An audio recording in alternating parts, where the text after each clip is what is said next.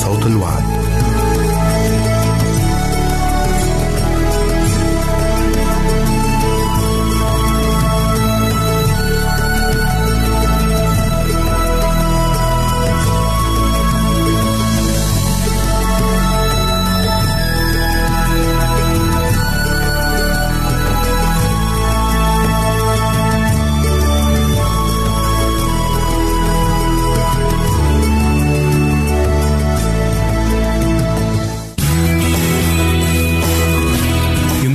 استماع وتحميل برامجنا من موقعنا على الإنترنت www.awr.org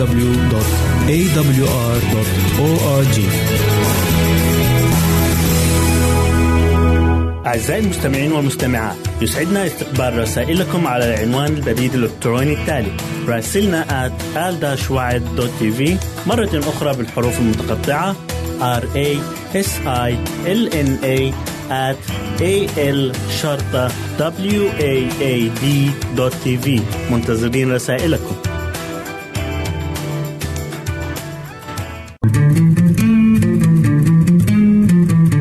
أنتم تستمعون إلى إذاعة صوت الوعي.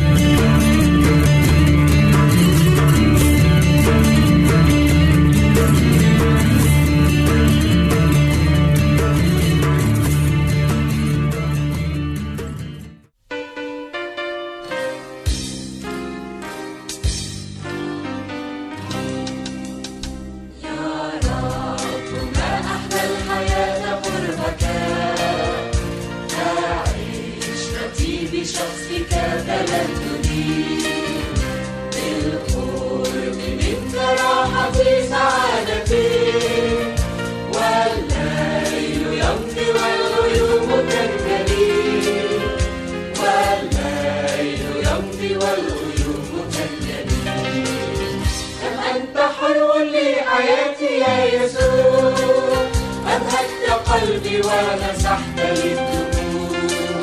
هل لي سواك في السماء أرتجي معك أبغي أو أريد في الرجوع كم أنت حلو حلو حلو يا يسوع.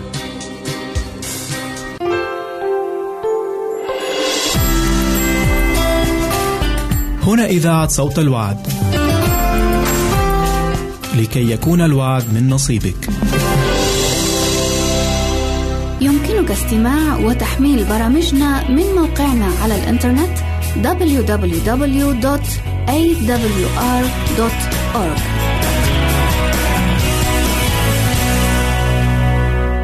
أعزائي المستمعين والمستمعات يسعدنا استقبال رسائلكم على العنوان البريد الإلكتروني التالي راسلنا at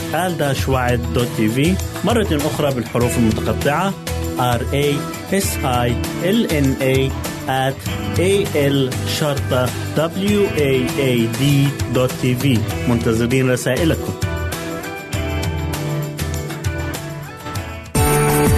إذا أردت دراسة الكتاب المقدس يمكنك الكتابة إلينا على عنواننا وستحصل على هدية قيمة بعد انتهائك من الدراسة.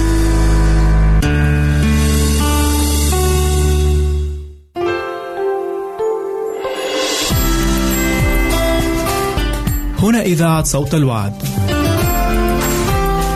لكي يكون الوعد من نصيبك. أهلا وسهلا بكم مستمعينا في كل مكان أسعد الله أيامكم بالخير والبركة يسعدني أن أقدم لكم برنامج أطفالنا زينة حياتنا وحلقة اليوم بعنوان طفلك بعد ثلاثة أشهر تتنفس الأم الصعداء في نهاية الأشهر الثلاثة الأولى لأن المدة التي يكثر فيها مغص الطفل تكون قد انقضت ويتعود المولود الجديد على بيته الجديد كما أنه يخضع للبرنامج الذي تكون الأم قد فرضته عليه. لم يعد كما كان أولا. صغيرا نخشى عليه كل أنواع الخطر بل أصبح عدوا حقيقيا في العائلة. ويظهر أنه هو نفسه أصبح يشعر كذلك. التنويع مساعد. أن نتبع القانون والنظام في الحياة؟ دون شك يجب أن نفعل ذلك. إنما يمكن بالحكمة تغيير البرنامج قليلا لراحة العائلة. ومثلا على ذلك إذا نام الطفل كل الليل ثم استيقظ الساعة الخامسة صباحا. عوضا عن الساعة السادسة. فهل تتركيه يصرخ ويبكي ويزعج العائلة كلها إلى أن تأتي الساعة السادسة موعد الرضاعة؟ حسب البرنامج إصغي أيتها الأم إلى ما يجب أن نفعله. نحسب أن الساعة التي استيقظ فيها الطفل هي الساعة السادسة مع أنها الخامسة.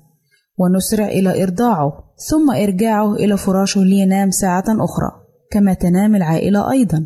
ولكن إذا كنا قد قدمنا وجبة إرضاعه ساعة واحدة فأعطيناه إياها في الساعة الخامسة عوضا عن السادسة فالوجبة التالية يجب أن تأتي في وقتها المعين أي العاشرة وليس التاسعة. وإذا بكى الطفل وصرخ في التاسعة فليفعل ذلك في النهار عندما يقدر أن يرى أشياء كثيرة يلتهي بها. وعندما يكون أفراد العائلة مستيقظين لا في الليل حين لا يقدر أن يرى شيئا بسبب الظلمة وعندما يكون أفراد العائلة نياما يتقون إلى ساعة نوم أخرى فضلا عن أن الوقت بين الساعة التاسعة والعاشرة صباحا هو وقت لهو الطفل وتمرين وحمام فينسى الطفل جوعه أو يمكن إعطاؤه قليلا من عصير البرتقال أو الماء. في وسط هذه الفترة لتسند معدته الصغيرة فينام ساعتين أخريين مدة الصباح دون أن يشعر بهذا الوقت الإضافي. وفي آخر الشهر الرابع لا يحتاج الطفل الطبيعي أكثر من خمس وجبات رضاعة في الأربع والعشرين ساعة وبعض الأطفال يكتفون بأربع وجبات فقط. ولنتذكر أن الميزان هو الدليل الوحيد الصحيح لمعرفة ما إذا كان الطفل ينال القدر الكافي من الغذاء.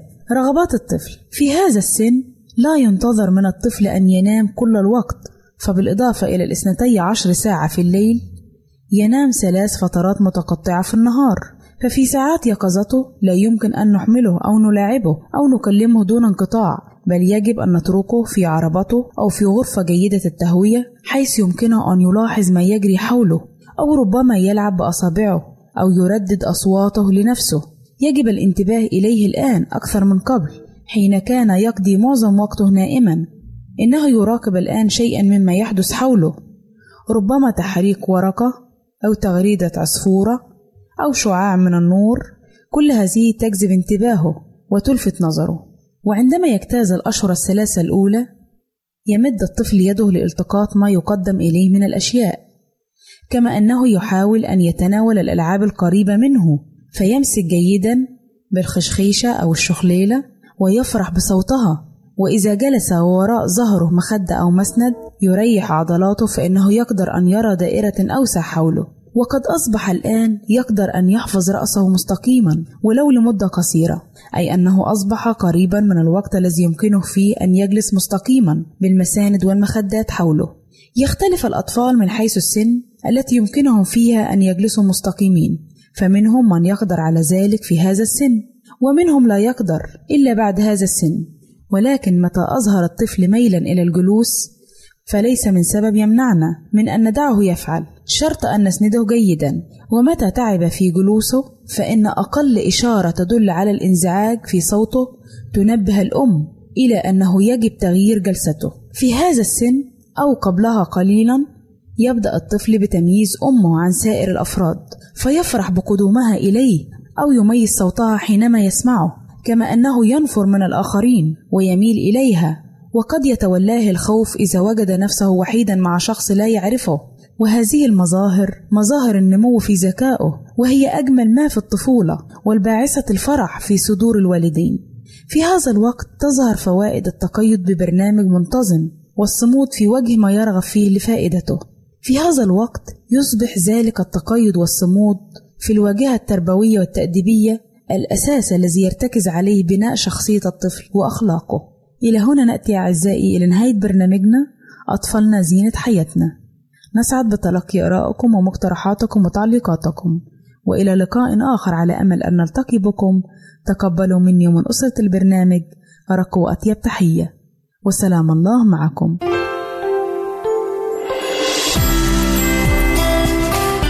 هنا إذاعة صوت الوعد.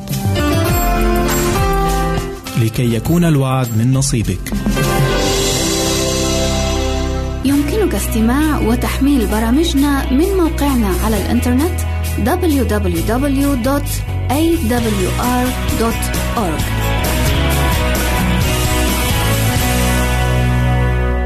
أعزائي المستمعين والمستمعات يسعدنا استقبال رسائلكم على العنوان البريد الإلكتروني التالي راسلنا at al مرة أخرى بالحروف المتقطعة r a s i l n a at a l شرطة w a a d منتظرين رسائلكم. إذا أردت دراسة الكتاب المقدس يمكنك الكتابة إلينا على عنواننا وستحصل على هدية قيمة بعد انتهائك من الدراسة.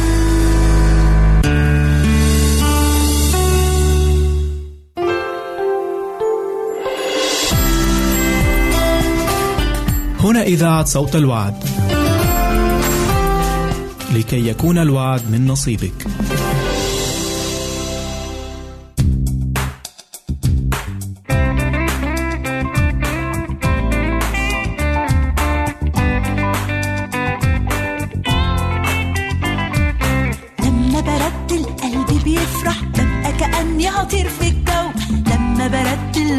حبيبي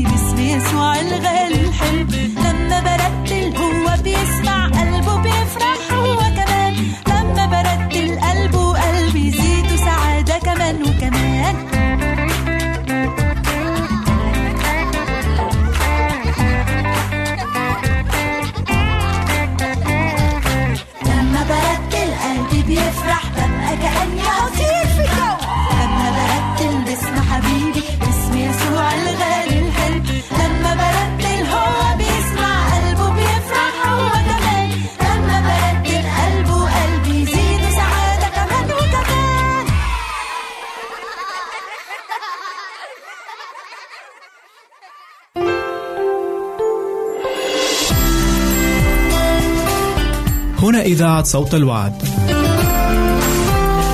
لكي يكون الوعد من نصيبك. يمكنك استماع وتحميل برامجنا من موقعنا على الإنترنت www.awr.org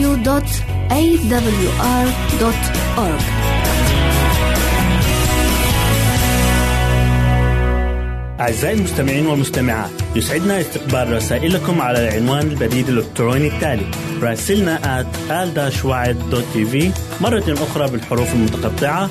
R a s i l n a at a l شرطة w a a d في منتظرين رسائلكم. إذا أردت دراسة الكتاب المقدس يمكنك الكتابة إلينا على عنواننا وستحصل على هدية قيمة بعد انتهائك من الدراسة.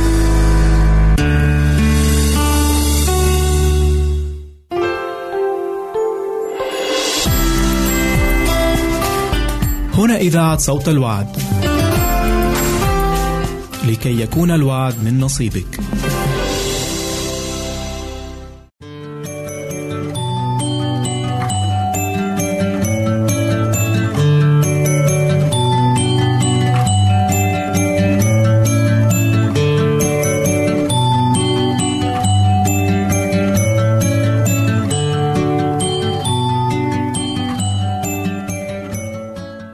حبايبي الحلوين. أهلا بيكم في برنامج قصص وحكايات لأحلى صبيان وبنات.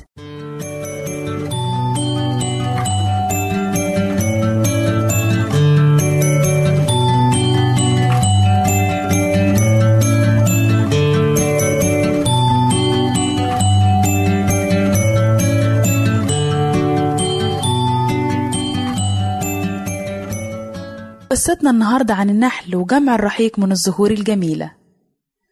ما أروع وما أجمل خلائق الله. خلق الله كل ما هو جميل من زهور وأشجار ونباتات ليجعلنا سعداء. فالربيع هو من أجمل فصول السنة لأن فيه تتفتح الزهور وتنبت الزروع وتخضر الأشجار. فبعد أن مضى فصل الشتاء بأمطاره الغزيرة ورياحه وعواصفه المخيفة أقبل علينا فصل الربيع. ليعوضنا عن كل ذلك. ففيه الأزهار المزينة الرائعة وألوانها الزاهية الجميلة فتنشط الطيور ويهم النحل ليعمل بكل نشاط لجمع الرحيق من الزهور والأشجار ليصنع لنا عسلا شهيا. كل هذا في فصل الربيع. حل فصل الربيع. فأخذت العصافير تغرد على أغصان الأشجار وتغني ألحان رائعة. وامتلأت الغابة بالأزهار الجميلة والفراشات الملونة وامتلأت الحقول بالنباتات الخضراء والزهور بألوانها الجميلة المفرحة وجمالها اللي بيعبر عن حب الله للبشر. خرجت جميع الحيوانات من بيوتها بعد نوم طويل واستمتعوا بدفء الشمس من جديد. كانت الأزهار الملونة تملأ الحقول والغابات. هنا زهرة حمراء وهناك زهرة بيضاء وهنا زهرة صفراء وألوان كثيرة جدا وزاهية وجميلة تملأ النفس حبا وفرحا وابتسامة. الجميع يعمل بفرح ونشاط وهم يسبحون الله على نعم خلائقه البديعة. وكانت النحلات تخرج كل يوم منذ الصباح الباكر لتجمع الرحيق من الأزهار فتصنع منه عسلا لذيذا.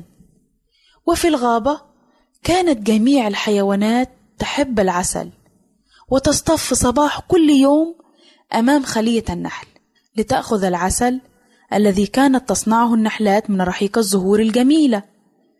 وفي صباح أحد الأيام حضرت كل الحيوانات كعادتها لتأخذ العسل ولكنها حزنت جدا لأنها لم تجد عسلا. غضبت الحيوانات جدا لأن العسل اللذيذ الذي يعطيهم طاقة للعمل خلال اليوم ليس موجودا. فكانوا يتساءلون لماذا لا يوجد عسل؟ تقدمت نحلة نشيطة وقالت للحيوانات إن اختفاء الأزهار من الغابة هو السبب في عدم وجود العسل لأن النحل يحتاج إلى الزهور لجمع الرحيق منها لصنع العسل. فكيف لنا أن نصنع عسل بدون زهور؟ دار حديث طويل بين الحيوانات وبين النحل واتفقوا فيما بينهم على معرفة سر اختفاء الأزهار من الغابة وقررت جميع الحيوانات أن يكون الكلب حارسا على الأزهار ليعرفوا من الذي يقوم بقطفها ويتسبب في عدم وجود العسل. وفي يوم من الأيام والكلب يقوم بعمله بمنتهى الأمانة رأى الكلب أرنب يقطف زهرة جميلة. فبسرعة ذهب إليه وقال له لماذا تفعل ذلك وتقطف الزهرة؟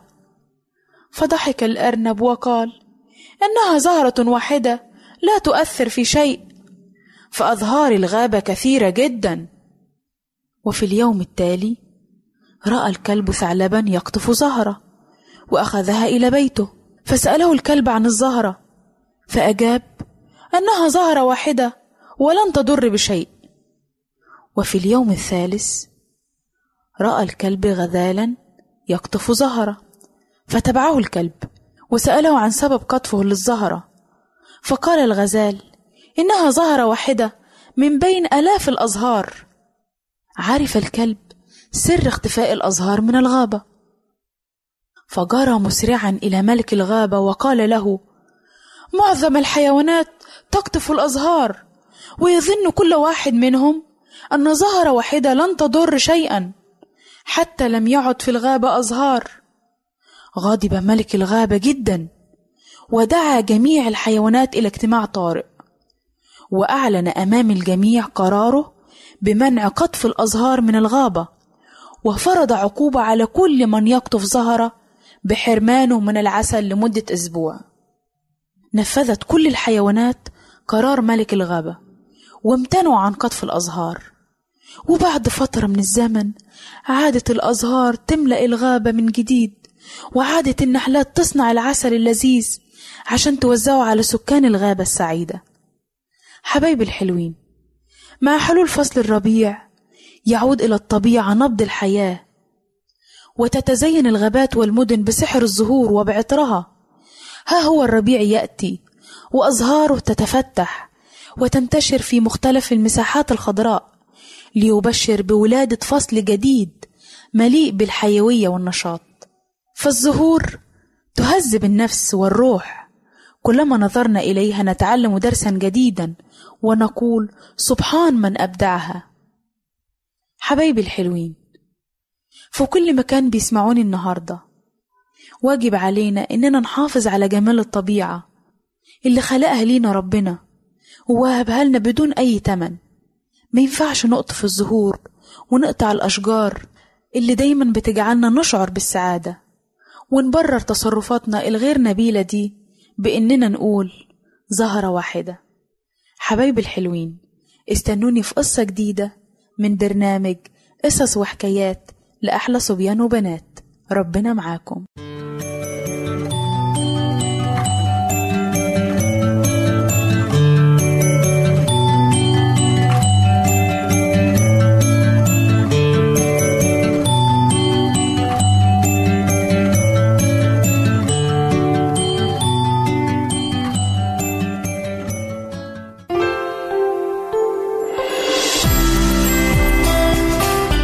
هنا إذاعة صوت الوعد. لكي يكون الوعد من نصيبك. يمكنك استماع وتحميل برامجنا من موقعنا على الإنترنت www.awr.org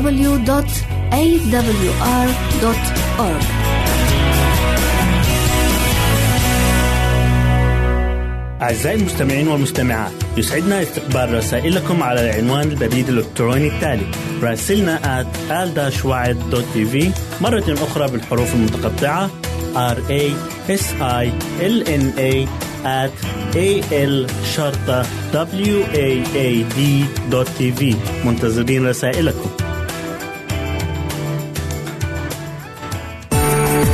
إذا أردت دراسة الكتاب المقدس يمكنك الكتابة إلينا على عنواننا وستحصل على هدية قيمة بعد انتهائك من الدراسة.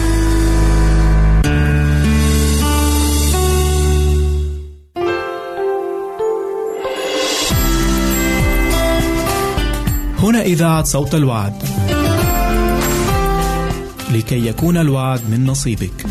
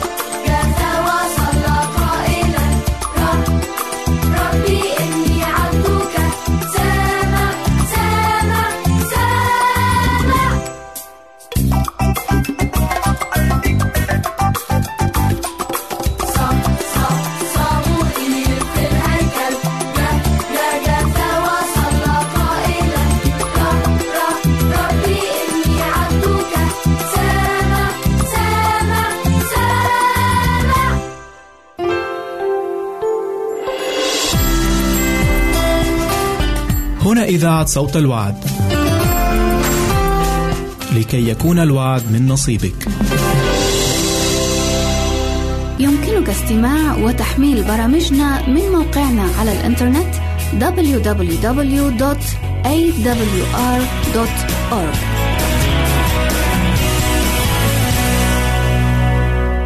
أعزائي المستمعين والمستمعات يسعدنا استقبال رسائلكم على العنوان البريد الإلكتروني التالي راسلنا at مرة أخرى بالحروف المتقطعة r a s i l n a at a l شرطة w a a d منتظرين رسائلكم.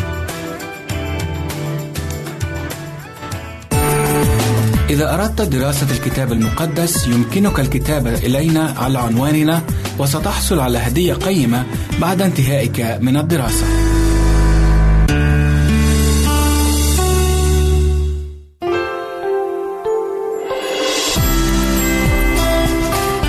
هنا إذاعة صوت الوعد. لكي يكون الوعد من نصيبك. أحبائي الشبيبة أهلا بكم ومرحبا إلى حلقة جديدة من برنامجكم المحبب الصبا والشباب.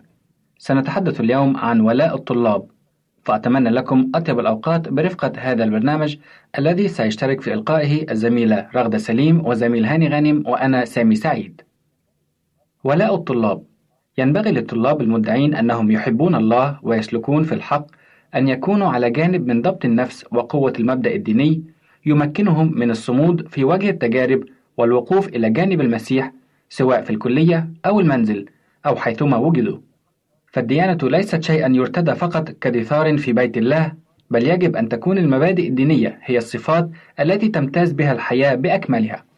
الأخلاق والتصرف إن الذين ينهلون من ينبوع الحياة لا يتشوقون شأن أهل العالم إلى تلون الحياة وإلى المباهج والمسرات وإنما يتجلى في مسلكهم وسجاياهم الإطمئنان والسلام والسعادة التي وجدوها في يسوع بطرحهم عند قدميه يوميا أثقالهم ومناغصاتهم ويظهرون أن سبيل الطاعة والواجب يفضي إلى الرضا بل الابتهاج.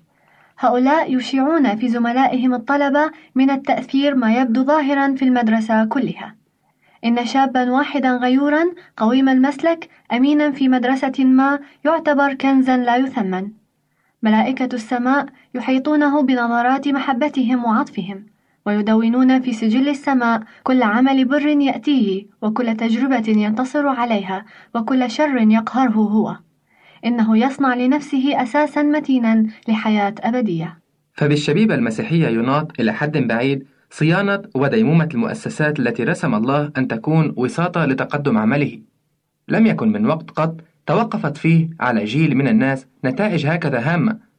فمن الأهمية بمكان عظيم إذن أن يتهيأ الشبيبة لهذا العمل الجليل حتى يجعل لهم الرب نصيبا في خدمته.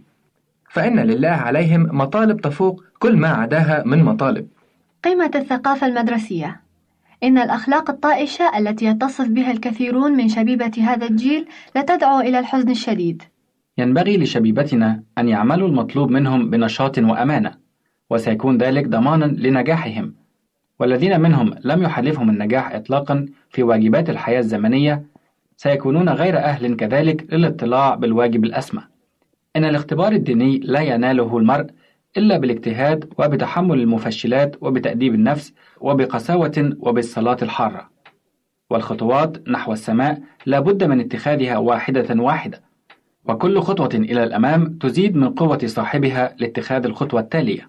فرص الطالب أيها الطلاب تعاونوا ومعلميكم لأنكم بذلك تبعثون فيهم الأمل وتنمون فيهم الشجاعة وتسدون إليهم العون وتساعدون في الوقت ذاته أنفسكم على التقدم. اذكروا أن نجاحكم في مهمتكم متوقف بالأكثر عليكم أنتم. كونوا طلاب علم بأسمى ما في هذا التعبير من معنى. ناظرين يد الله تسند المعلم وناظرين المعلم أداة في يد القدير. إن فرصكم المواتية للعمل تمضي سراعا وليس من وقت تنفقونه في إرضاء النفس. وإن سعادتكم الحقيقية لتكمن في سعيكم المجد إلى النجاح. ثمينة هي الفرص المتاحة لكم في أيام الدراسة. فابلغوا بحياتكم المدرسية أقصى ما تستطيعون بلوغه من الكمال. إنها فرصة عابرة وإن نجاحكم أو إخفاقكم لا يتوقفان عليكم أنتم. وإذا ما أفلحتم في إحراز معرفة من الكتاب المقدس فأنتم إنما تدخرون كنوزا لتوزعوها على الآخرين. تقديم المساعدة. إذا كان أحد زملائك من الطلاب متخلفا في دروسه فاشرح له ما استغلق عليه فهمه منها. ففي ذلك توسيع لمعارفك أنت. استعمل كلمات بسيطة وعبر عن آرائك بعبارات واضحة سهلة المنال. إن في مساعدتك لزميلك الطالب مساعدة لمعلميك أيضا. إذ غالبا ما نجد أن الطالب البطيء الفهم حسب الظاهر أسرع في تفهمه للآراء عن زميله الطالب منه عن المعلم. هذا هو التعاون الذي يأمر به المسيح. إن المعلم الأعظم يقف إلى جانبك ويمدك بالعون لكي تعين أنت زميلك المتأخر. وقد يتاح لك في حياتك المدرسية المجال لتخبر الفقراء والجهلاء عن مبادئ كلمة الله العجيبة. اغتنم مثل هذه الفرص والرب يبارك كل لحظة تنفقها في هذا السبيل. لا تقنع أبدا بمستوى منخفض بل احرص وأنت طالب في المدرسة على أن تقيم لنفسك هدفا نبيلا مقدسا. اسعى لتحقيق رغبتك في إعداد نفسك لعمل الرب. غير مدخر وسعا لبلوغ هذه الغاية. ففي مقدورك أن تفعل لنفسك ما يعجز غيرك عن فعله لك. وإذا بذلت قصارى جهدك في مساعدة نفسك فما أعظم ما يكون العون الذي تسديه إلى مديرك ومعلميك. وقبل انتقالك إلى برامج الدروس العالية في أدب اللغة تأكد أنك تجيد فهم قواعد اللغة البسيطة وتجيد أيضا القراءة والكتابة والإملاء. لا تمضي الوقت في تعلم ما لا يمكنك الاستفادة منه في مستقبل حياتك. فبدلا من طلب المعرفة من المؤلفات العلمية العويصة تعلم أولا الإجادة في التكلم. تعلم مسك الدفاتر. أحد من المعرفة بنواحيها العملية التي تجعلك نافعا حيثما تكون. التدريب لأجل الخدمة. إنه لمن المذهل نظرا للنور المعطى من الله أن لا نرى الكثيرين من الشبان والفتيات يسألون يا رب ماذا تريد أن أفعل؟ إن من الخطأ الفظيع أن يظن المرء أنه ما لم يكن الشاب عازما على أن يقف نفسه للخدمة فالأمر لا يقضي بذل مجهود خاص لتأهيله لعمل الله. إنه لجوهري لك أيا يكن عملك أن تنمي طاقاتك بالدرس المجد. ينبغي حض الشبان والفتيات على أن يجلوا البركات المرسلة من السماء التي أتاحت لهم أن يصبحوا على جانب حسن من الثقافة والنجابة.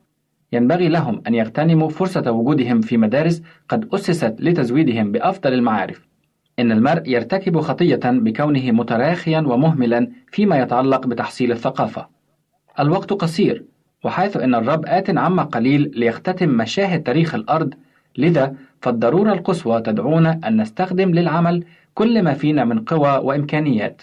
ليقف الشبان والشابات إمكانياتهم لله ويدرسوا كلمته بجد حتى يتحصنوا ضد التعاليم الخاطئة ويسلموا من الانقياد وراء الأشرار لأن دراسة كلمة الله باجتهاد هي التي تقودنا إلى معرفة الحق. وإذ نأخذ في حياتنا بقواعد هذا الحق الذي قد عرفناه يشرق علينا نور متزايد من كلمة الله. إن الذين هم حقا مكرسون لله لا ينخرطون في سلك العمل بالدافع الذي يقود الناس إلى كسب الوظائف أي لمجرد كسب معيشة سهلة. وإنما يدخلون العمل وقد عزموا ألا يدعوا لأي اختبار دنيوي من سلطان عليهم مدركين أن عمل الله مقدس. كنتم أحباء الشبيبة مع حلقة أخرى من برنامجكم الأسبوعي الصبا والشباب. رافقكم في حلقة اليوم الزميلة راغدة سليم والزميل هاني غانم والزميل سامي سعيد. وإلى أن نلتقي بكم في الأسبوع القادم لكم من أسرة إذاعتنا أطيب الأماني.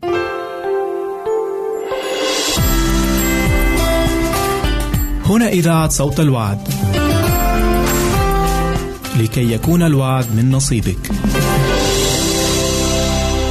يمكنك استماع وتحميل برامجنا من موقعنا على الإنترنت www.awr.org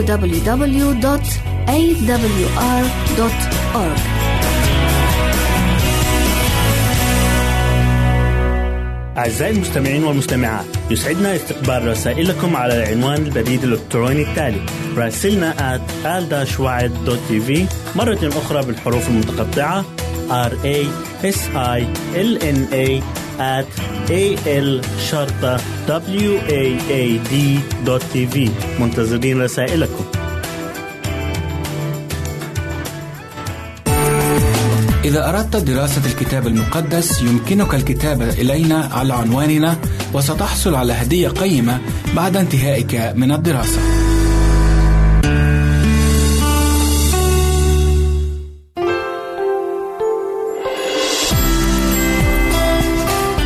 هنا إذاعة صوت الوعد. لكي يكون الوعد من نصيبك.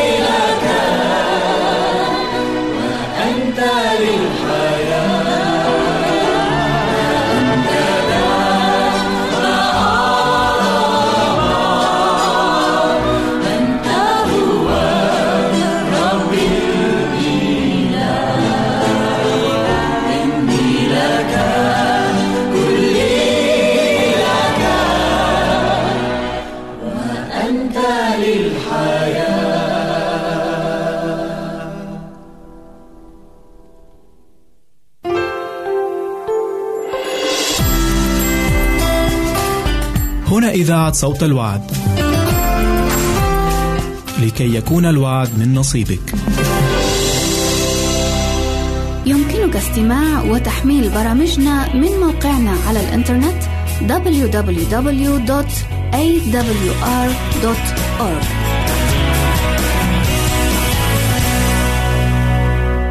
أعزائي المستمعين والمستمعات يسعدنا استقبال رسائلكم على العنوان البريد الإلكتروني التالي راسلنا at al مرة أخرى بالحروف المتقطعة r a s i l n a at a l شرطة w a a d في منتظرين رسائلكم. إذا أردت دراسة الكتاب المقدس يمكنك الكتابة إلينا على عنواننا وستحصل على هدية قيمة بعد انتهائك من الدراسة.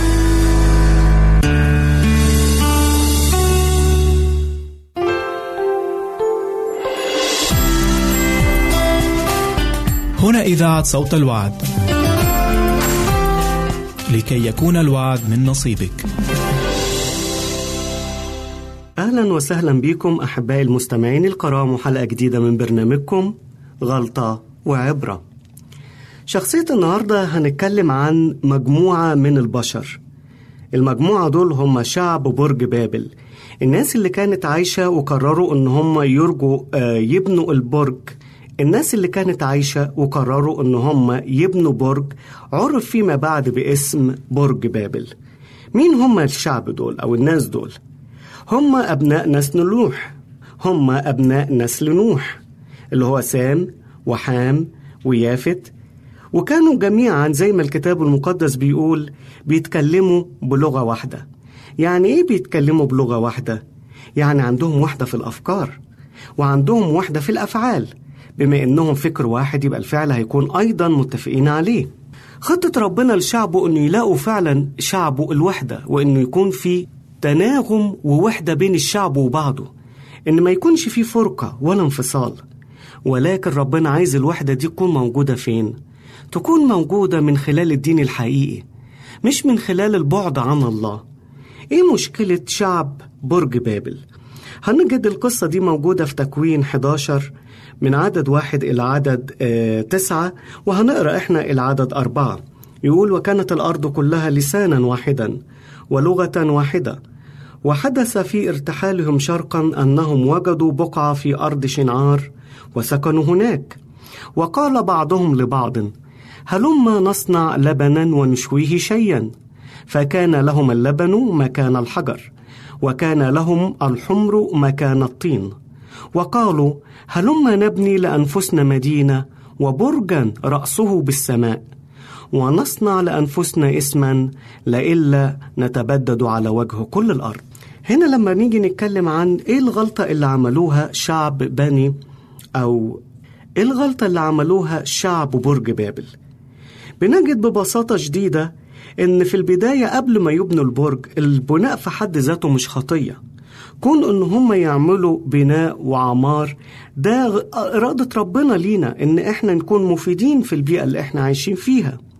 ولكن الأهداف لهذا البناء هي اللي كانت غلط مش البناء نفسه. إيه هي الأهداف اللي كانت غلط؟ أول حاجة إنهم شكوا في كلام ربنا. في تكوين تسعة لما نوح طلع من الفلك ربنا قال له إنه مش هيكون في طوفان مرة تانية وإن ربنا لن يعود يهلك الأرض بالماء مرة أخرى. وأعطاله علامة قوس قزح وقال له إن أنت هتشوف هذه العلامة في السماء فتعرف إن ده عهد بينه وبينك. لكن هم شكوا في الكلام ده وابتدوا يسألوا في نفسهم ابتدوا يسألوا في نفسهم إيه اللي يضمننا إن ربنا مش هيكرر اللي عمله قبل كده؟ اللي يضمننا إن ربنا مش هيرجع الطوفان مرة تانية. طب نتصرف إزاي؟ بما إن إحنا بنشك في ربنا وممكن يغدر بينا يبقى نبني إحنا برج يحمينا من ربنا. البرج ده إيه فايدته؟ فايدته إن لو ربنا فكر بعد كده يجيب طوفان مرة تانية على الأرض يبقى عندنا حاجة نقدر نعلى بيها. فكروا أكتر حاجة قبل الطوفان كانت إيه؟ كانت إن المية آه، الماء عالي أكتر من الجبال بحوالي 7 8 متر.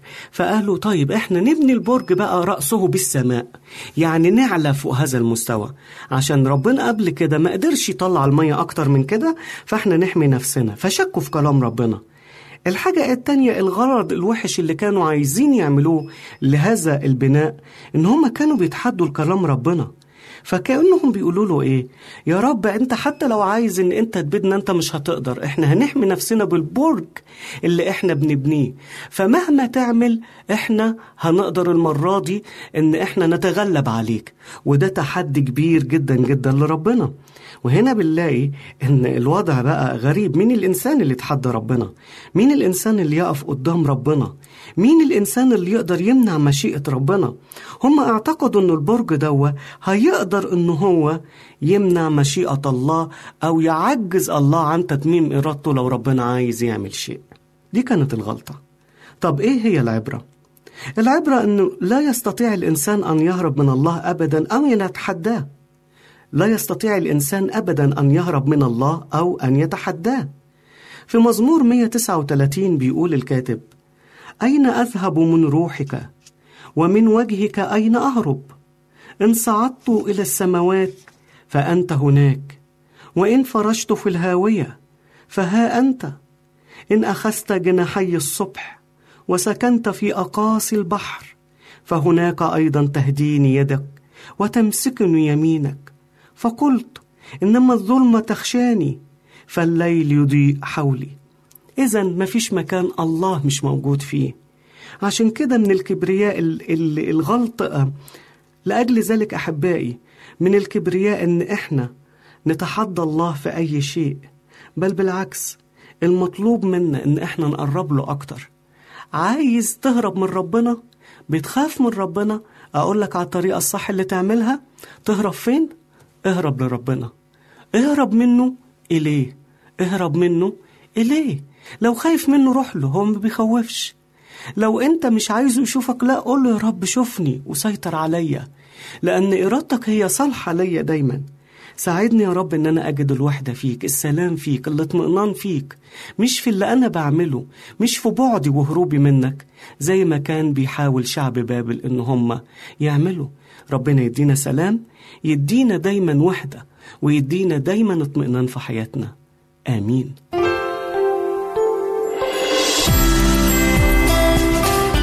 هنا إذاعة صوت الوعد. لكي يكون الوعد من نصيبك. يمكنك استماع وتحميل برامجنا من موقعنا على الإنترنت www.awr.org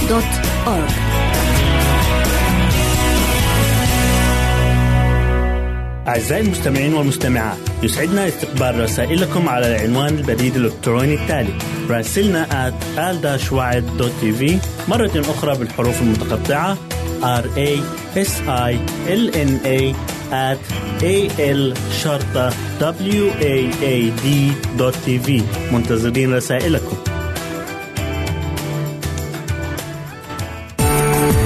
إذا أردت دراسة الكتاب المقدس يمكنك الكتابة إلينا على عنواننا وستحصل على هدية قيمة بعد انتهائك من الدراسة.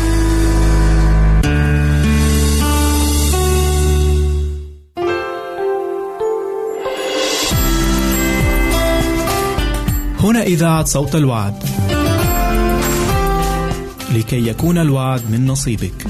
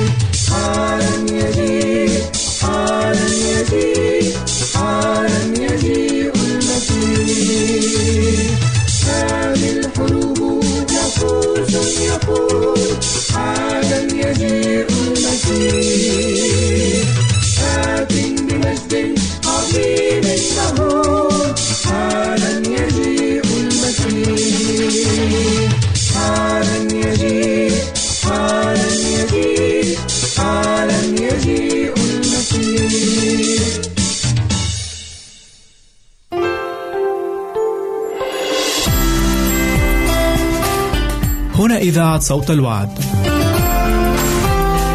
لكي يكون الوعد من نصيبك. يمكنك استماع وتحميل برامجنا من موقعنا على الإنترنت www.awr.org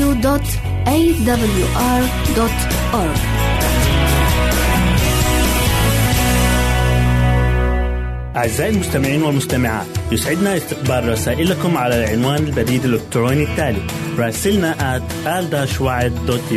مرة أخرى بالحروف المتقطعة.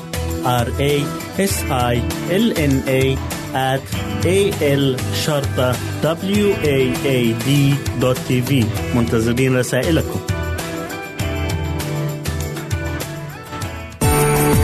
إذا أردت دراسة الكتاب المقدس يمكنك الكتابة إلينا على عنواننا وستحصل على هدية قيمة بعد انتهائك من الدراسة.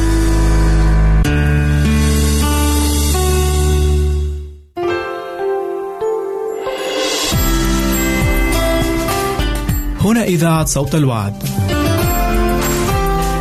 لكي يكون الوعد من نصيبك. أعزائي المستمعين نرحب بكم في برنامجكم تأملات عن الروح القدس. ما هو عمل الروح القدس وكيف يستخدمنا؟ وما هي مواهب الروح القدس؟ وما هي ثماره؟ إن أردت أن تعرف عن هذه الأشياء فتابع معنا البرنامج وابقى معنا.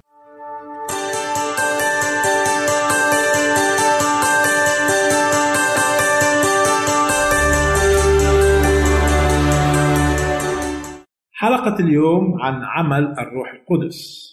ماذا يعمل الروح القدس؟ إنه يعطي حياة ونعمة. قراءة اليوم من إنجيل يوحنا الأصحاح الثالث والعدد الخامس. تقول كلمة الرب أجاب يسوع الحق الحق أقول لك إن كان أحد لا يولد من الماء والروح لا يقدر أن يدخل ملكوت الله. لكي نخدم الله بصورة مقبولة ينبغي لنا أن نولد ثانية. إن نزعاتنا الطبيعية التي تقاوم وتعاكس ما لروح الله ينبغي التخلص منها. لابد لنا أن نتجدد كرجال ونساء في المسيح يسوع. ولابد أن تفسح الطبيعة القديمة مجالا للحياة الجديدة المليئة بالحب والثقة والرغبة في الطاعة. هل تظن أن تغييرا كهذا ليس ضروريا لدخول ملكوت الله؟ إذا فاصغي إلى كلمات السماء. ينبغي أن تولدوا من فوق. إن لم ترجعوا وتصيروا مثل الأولاد فلن تدخلوا ملكوت السماوات. فما لم يحصل تبديل لا يمكننا أن نخدم الله بشكل صحيح. وتكون أعمالنا ناقصة وتدخل فيها الخطط الأرضية. وتكون بمثابة النار الغريبة التي تقدم لتهين الله. وتكون حياتنا مدنسة وشقية ملآنة بالقلق والضيق.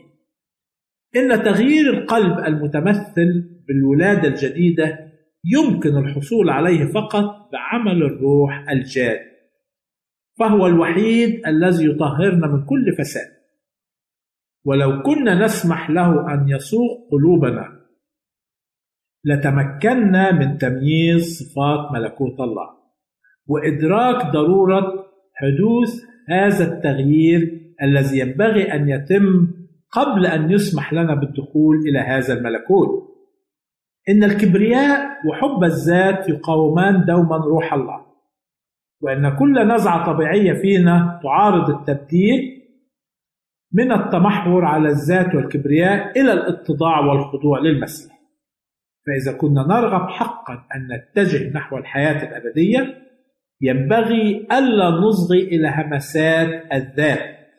فبالاتضاع والتوبة ينبغي التوسل إلى أبينا السماوي قائلين قلبا نقيا اخلق في يا الله وروحا مستقيما جدد في داخلي.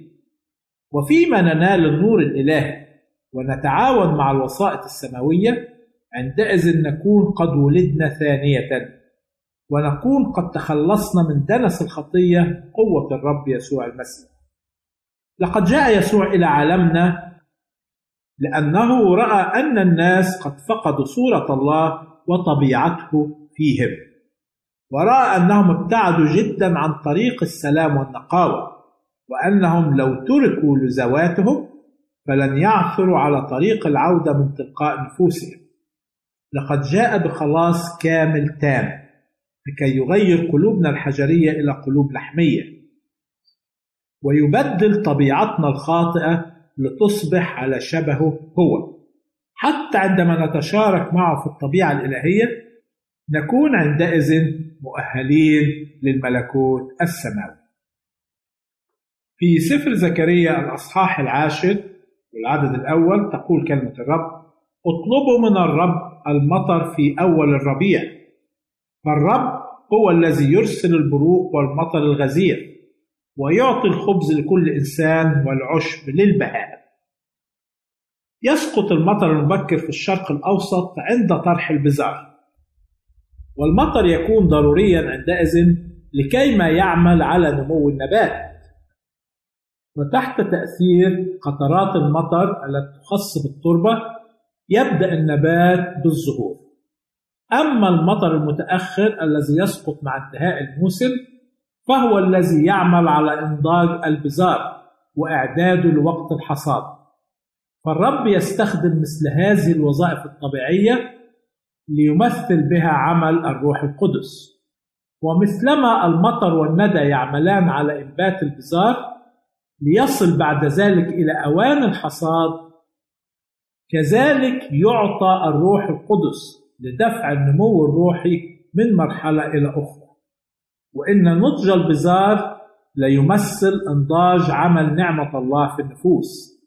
فبقوة الروح القدس تصل صورة الله الأدبية في الإنسان إلى حد الكمال الخلقي لذلك ينبغي لنا أن نتجدد بالكامل لنصبح على شبه المسيح. كثيرون فشلوا في نيل المطر المبكر. فهم لم يحصلوا على كل البركات التي أعدها الله من أجلهم.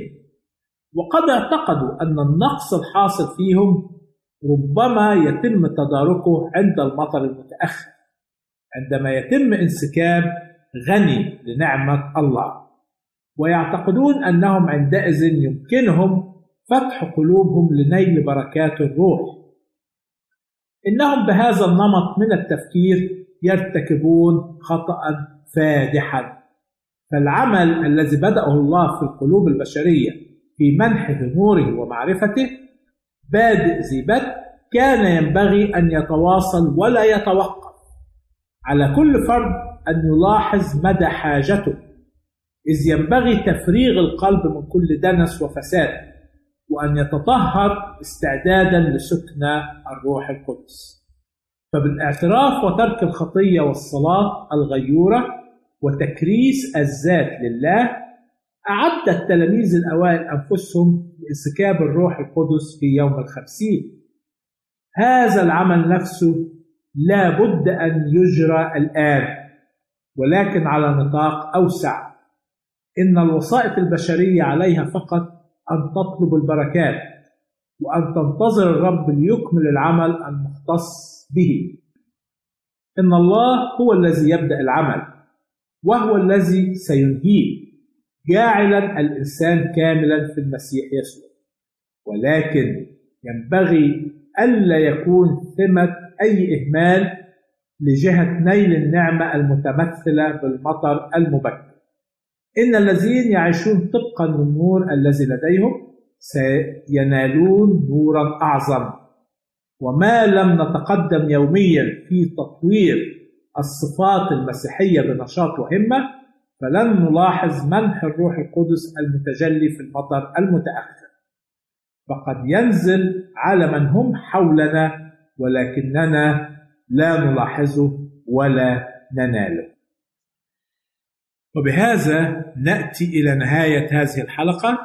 نرجو أن تكونوا قد استمتعتم بها. إلى أن نلقاكم في حلقة أخرى. سلام الرب معكم ويرعاكم.